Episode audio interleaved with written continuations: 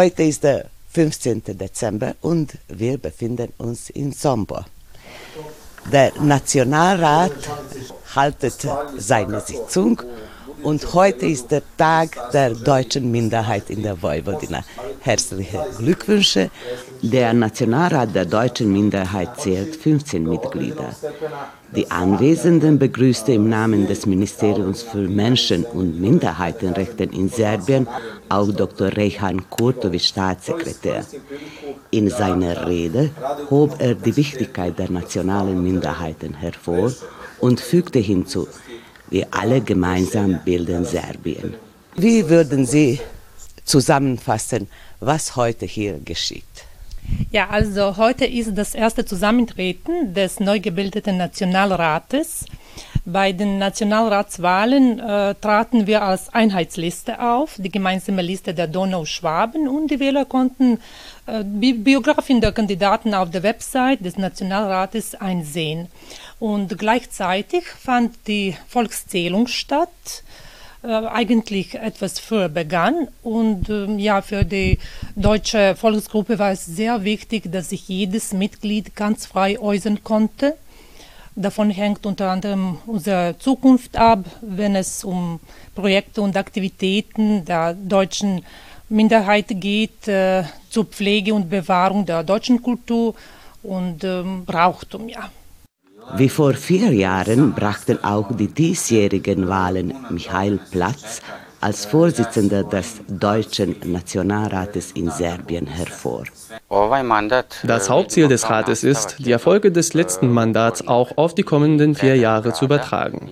Nach der Eröffnung des Donauschwäbischen Museums in Zombor und der Einführung des neuen Grundschulfaches Deutsch mit ethnokulturellen Komponenten hat der Nationalrat weitere große Projekte im Visier.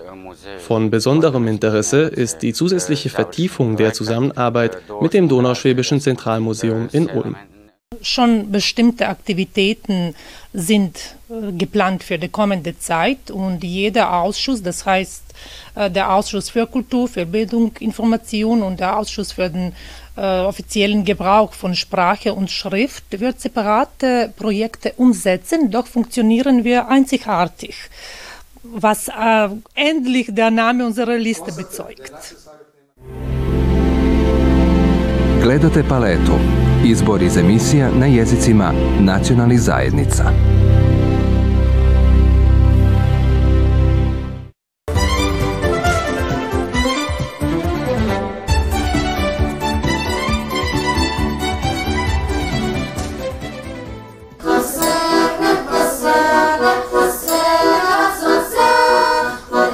Das allererste Festival des Kinder- und Jugendtheaters in deutscher Sprache wurde am 17. Dezember 2022 in der Fachschule für Chemie und Technologie Lazar Nesic in Subotica organisiert.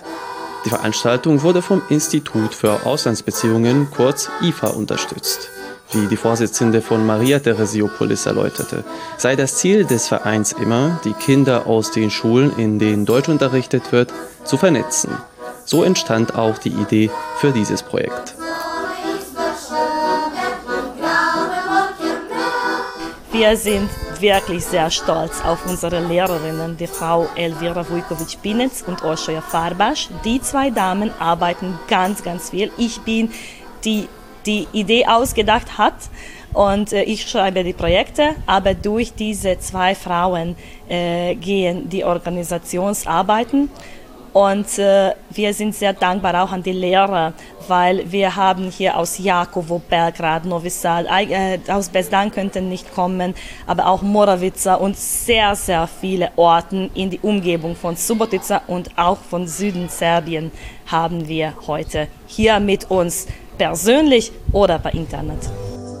Das fast ganztägige Programm war vielfältig. Die Veranstaltung begann um 10 Uhr zu hören und zu sehen waren im Rahmen des Festivals Theaterstücke, kurze Dialoge und Sketche zu verschiedenen Themen sowie Rezitation und auch Gesang. Außerdem gab es für die Schüler einen kleinen Workshop und nach dem Ende der Aufführungen machten die TeilnehmerInnen und die Lehrkräfte zusammen mit den Organisatoren einen Stadtrundgang im Zentrum von Subotica. Mit mir sind die Deutschlehrerin und die Amateur-Theatergruppe aus der Schule Vojvoda Misic aus Belgrad. Wir gucken gleich, was sie für die heutige Veranstaltung hier in Subotica vorbereitet haben. Also das sind meine Schüler. Die Schüler sind der achten Klasse aus Belgrad. Also zwei Jungen und vier Mädchen haben ein kleines Theaterstück äh, aus, aufgeführt. Also das war Rotkäppchen.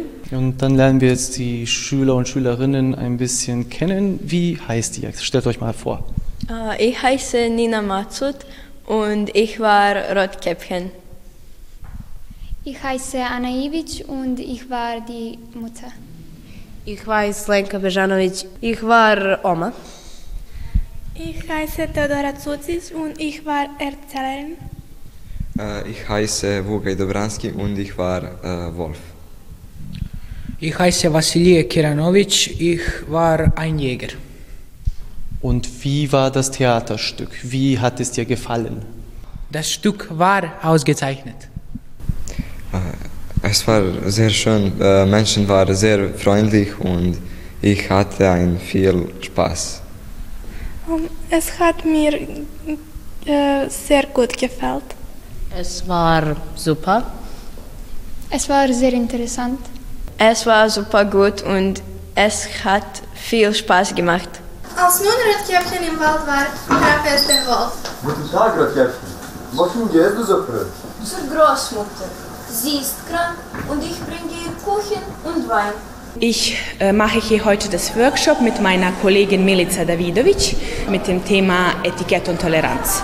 Also die Kinder werden hier erstmal äh, so drei oder vier Begrüßungsspiele spielen, das, das, damit sie sich kennenlernen und danach äh, werden sie einen Akzeptanz-Tannenbaum machen. Äh, dafür basteln die Kinder selbst also so Kleinigkeiten, die sie auf dem Baum äh, stellen werden, so äh, kleine Sprüche für Toleranz oder mh, Bilder oder was auch immer sie wollen.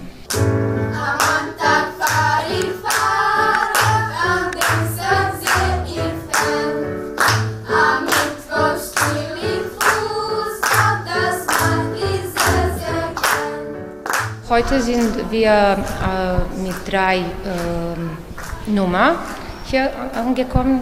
Also es gibt ein Chor, das ist ein Chor von Mädchen, äh, die äh, sechs Klässlerinnen sind. Und wir haben Rezitationen. Äh, ein Junge ist äh, mit der Rezitation von Rainer Maria Rilke hier und ein anderer Junge ist auch hier. Er singt ein Schlager, ein deutscher Schlager. Brisant ist dabei, dass der Junge, der die Strophen von Rainer Maria Rilke vorträgt, sein Verwandter ist. Einsamkeit. Die Einsamkeit ist wie ein Regen. Sie steigt vom Meer den Abenden entgegen. Von neben sie fern sind und entlegen, geht sie zum Himmel, der sie immer hat. Und erst vom Himmel fällt sie auf die Stadt.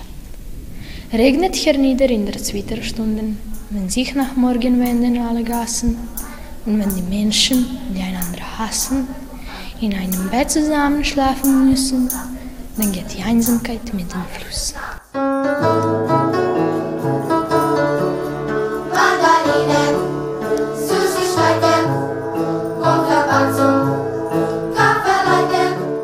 Ich bin Deutschlehrerin, so auf der Grundschule äh, Vost Georgia aus Jakovo in Belgrad. Und es ist meine liebe Kollegin Maja Doric, Musiklehrerin. Wir waren in der Kategorie äh, Kinderchore, also singen auf Deutsch. Unser Chor zählt so insgesamt ähm, 24 Mitglieder, also 24 Kinder waren da. Das ist nicht der ganze Chor. Das sind nur die Kinder, die jetzt in diesem Wettbewerb teilgenommen haben. Wie sind Ihre Erfahrungen bisher? Fantastisch. Also alles also von der Organisation, ähm, also die Unterkunft, äh, hier das ganze Programm. Also sehr, sehr viel Zeit und Mühe investiert. Das sieht sich schon so auf den ersten Blick. Die aufgeführten Stücke des Festivals waren ein Teil des traditionellen Deutschwettbewerbs für Grund- und Mittelschüler, der vom Verein Maria Theresiopolis im November des vergangenen Jahres das sechste Mal ausgeschrieben wurde. Neben den erwähnten Formaten konnten sich die TeilnehmerInnen auch mit Aufsätzen und PowerPoint-Präsentationen bewerben. Das Interesse für den Wettbewerb wird Jahr für Jahr immer größer. Dieses Mal trafen insgesamt über 600 Arbeiten von mehr als 700 TeilnehmerInnen aus um die 60 Schulen landesweit ein. Ich glaube, das ist ein riesengroßer Erfolg für so ein kleines Verein wie unser Verein Maria Theresiopolis.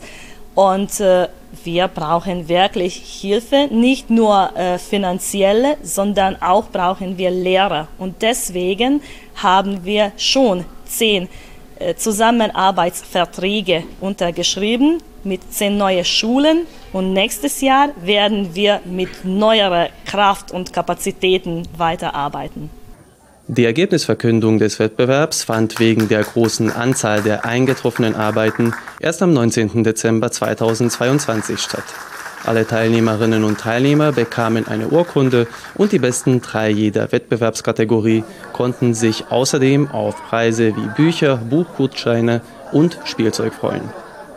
Nun verabschieden wir uns aber aus Subotica mit einem kleinen Song.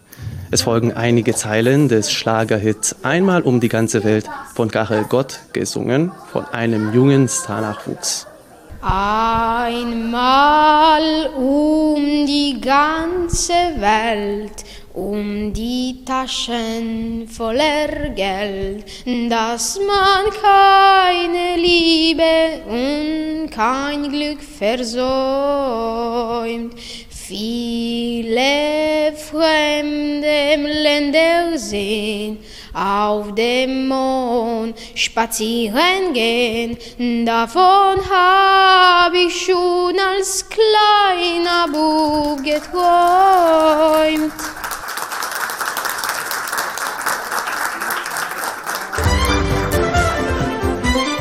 Nur wenn wir uns von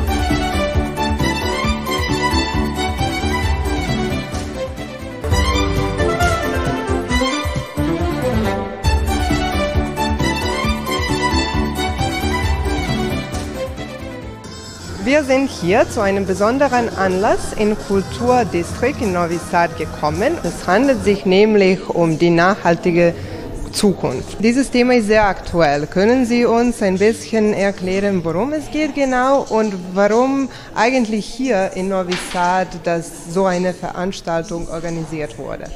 Ja, äh, vielen Dank äh, für, die, für die Frage und dass Sie auch hier sind und berichten, weil es ist wirklich ein, ein Zukunftsthema, wie sagen, das uns alle betrifft. Die Zukunft, die Nachhaltigkeit der Städte, die Nachhaltigkeit äh, der Architektur ist ein ganz zentrales Thema, ist eines der wahrscheinlich drei, vier wichtigsten Themen für die Zukunft nicht nur Serbiens oder Europas, sondern wahrscheinlich der Menschheit, weil der Großteil der Menschheit, weit über 50 Prozent, lebt in Städten, arbeitet in Städten, äh, konsumiert in Städten.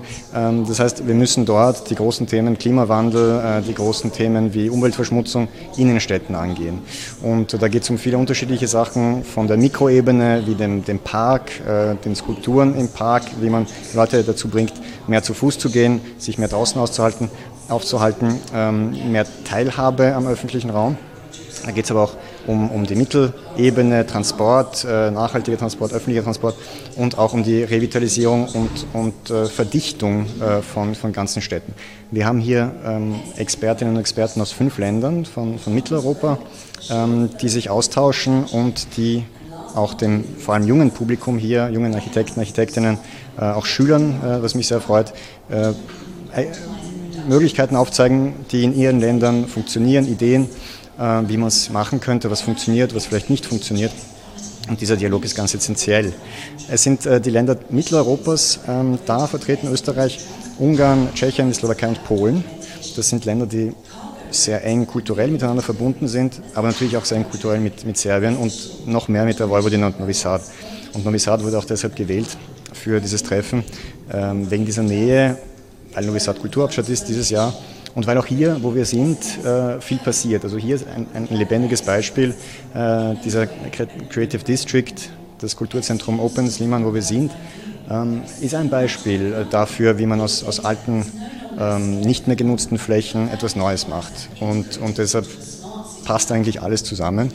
Und es freut mich, hier sein zu dürfen und, und teilzunehmen.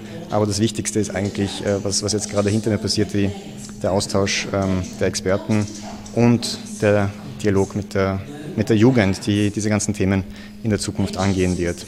Schönen guten Abend. Ich freue mich, dass wir hier sind in Novi Sad.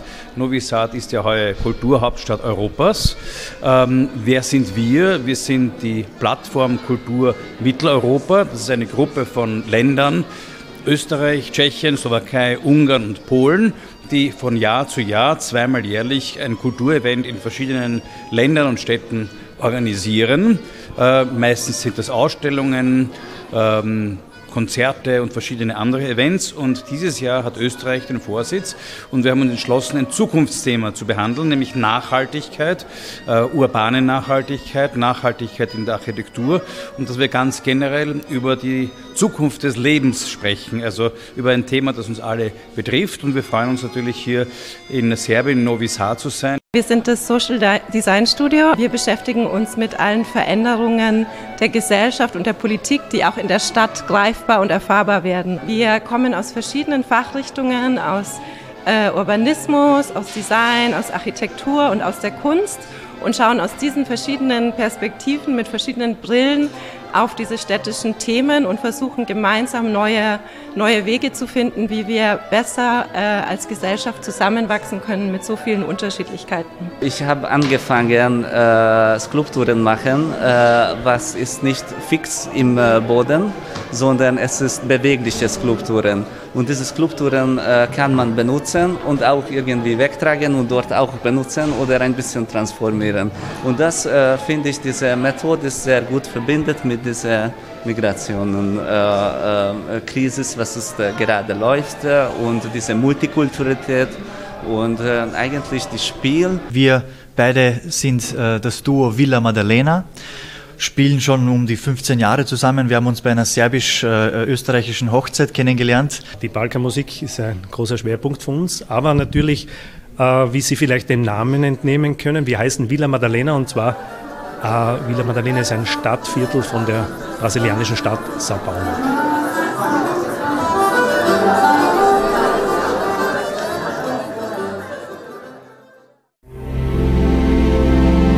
Gledate paletu Izbor iz emisija na jezicima nacionalnih zajednica.